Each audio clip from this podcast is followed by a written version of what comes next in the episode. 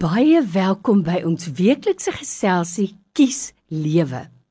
Ek nooi 'n kenner, Dr. François Swart. Hy's 'n kliniese en pastorale terapeut om saam met my sommer lewenskwessies kaalvuis te pak. As jy 'n vraag het, onthou vir my 'n WhatsApp te stuur na 0824104104 en dan sal ons intyd ook graag jou vraag beantwoord.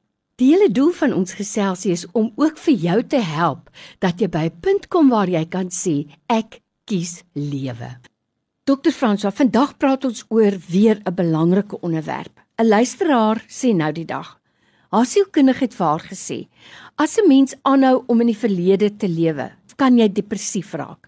As jy aanhoudend in die toekoms lewe, kan jy gespanne raak of angstig word. So lewe in die oomblik, lewe nou." Ek wil juis vandag praat oor angs, spanning oor die toekoms. Nou luister ek na nuusberigte waar sê Amerika beweer hulle staan op die rand van die grootste resessie in 50 jaar. Dis byna 'n leeftyd, 'n in elk geval 'n geslag. Dis geweldige spanningsvolle woorde om te hoor. Dan kyk ons na ons eie land en die situasie hier lyk net so droewig. Ek praat nie eers van die oorlog in Oekraïne en Rusland nie. Daar's genoeg redes om ons spanningsvol te maak oor die toekoms. Maar nou moet ek en jy as uitverkorenes, as weergeborenes, mos anders lyk as die ou wat langs my stap wat Jesus nie ken nie of hoe? Dit is ons groot roeping om in hierdie onmoontlike tye en veral as 'n mens na die nuus kyk, en party ja. ouens wat slim is sê jy moenie so baie nuus kyk nie want dit kan vir jou neerslagtig maak. Ek kan by jou lysie voeg 1933 so groot depressie oh. wat daar nog 'n klomp van ons mense is wat dit onthou. Die groot ding uh, wat 'n mens kan doen Lorraine is dat 'n mens dit erken dat ek is in 'n krisis. Ek sukkel met die toekoms en ek het angs om nie soos 'n volstruis jou kop net in die sand te steek en te sê dit is nie so nie. Dit halfte vir my en niks daaraan te doen nie. Die feit dat ons al daaroor praat dat ons ons gevoelens rondom hierdie soort van nuusberigte uitspreek is 'n goeie ding maar dit moet nie daarby stop nie. Ons moet dan begin om te kyk maar daar's sekere groot goed soos die land se ekonomie wat ek nie kan beheer nie Maar wat kan ek beheer in my onmiddellike omgewing? Kan ek minder eet byvoorbeeld? Mm. Kan ek met 'n lysie gaan na 'n inkopieplek of 'n supermark of waar ook al en nie sommer net lukraak goedes van die rak afhaal nie? Ons het iets daarvan beleef Lorraine. Dit was my indrukke met COVID-19. Mm. Mense het hulle gedragspatrone begin mm. verander. En ons het agtergekom ons kan met baie minder eintlik klaarkom. Sjoe. En so met 'n mens vir jouself vra elke maand as jy met jou gesin sit, met jou geliefdes sit, dis goeie bestuur om te werk met 'n begroting en jy kan altyd besny en verander en planne maak hoe om met 'n goedkoper soort van begroting oor die weg te kom. Om ook saam te span met van jou geliefdes dalk in groot mate koop en dit te onderverdeel. Dit is alles moontlikhede om dinge te doen. 'n Tyd van swaar kry, dis die wonder van menswees. Ons het dit al ervaar. In swaar kry is dit sleg, maar dis ook 'n geleentheid om te groei mm. en om anders te kyk na jou situasie. En dan ook met ander mense wat al voor jou tyd geleef het. Te vra maar hoe het julle gekoop? Mm. Want elke generasie as te ware moet die moet die wiel van voor af uitvind. En dis nie nodig nie. Jy kan as te ware op mense se skouers klim wat al voorheen swaar gekry het en jy kan luister oor hoe het hulle oorleef en daarin ook dan wysigings in jou eie soort van manier van leef. Kan jy dit invoer en op 'n manier baie meer sinvol en goedkoop dalk lewe as wat jy op die oomblik leef. By my ateljee vandag is dokter François Swart, kliniese en pastorale terapeut en ons praat met jou oor angstigheid of spanning oor die toekoms.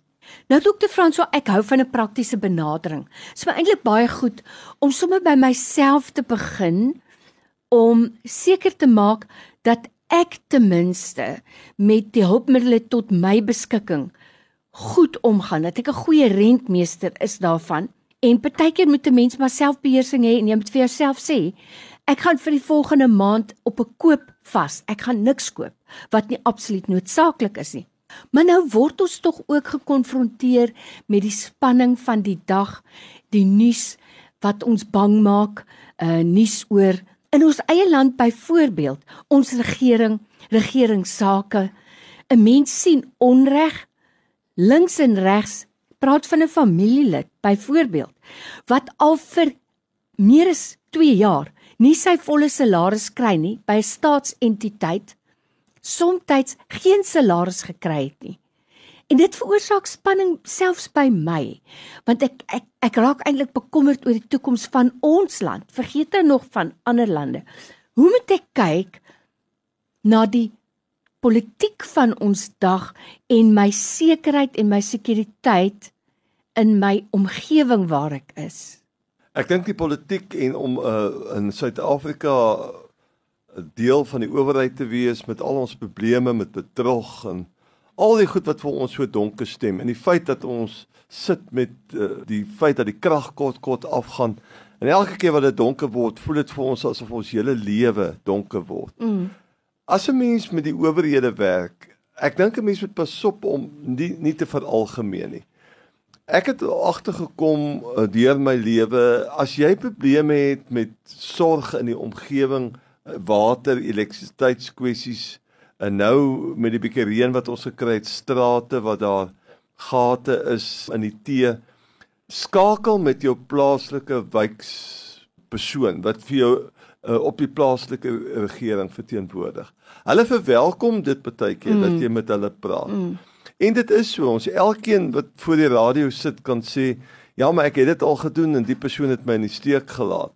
Maar dan eh, is jy nog in die bevoordeelde posisie dat jy dalk met die volgende verkiesing iemand anderste dan moet mm. kry vir, vir, vir wie jy kan stem. Mm. Ons is in 'n land waar ons darm nog kan onderhandel. Mm. Sekere wyke gaan dit sleg. Ander wyke is daar wonderlike inisiatiewe van politieke figure en owerhede wat regtig goeie verteenwoordigers van die regering wil wees. Dis ek dink ons moet versigtig wees om te veralgemeen. Mm.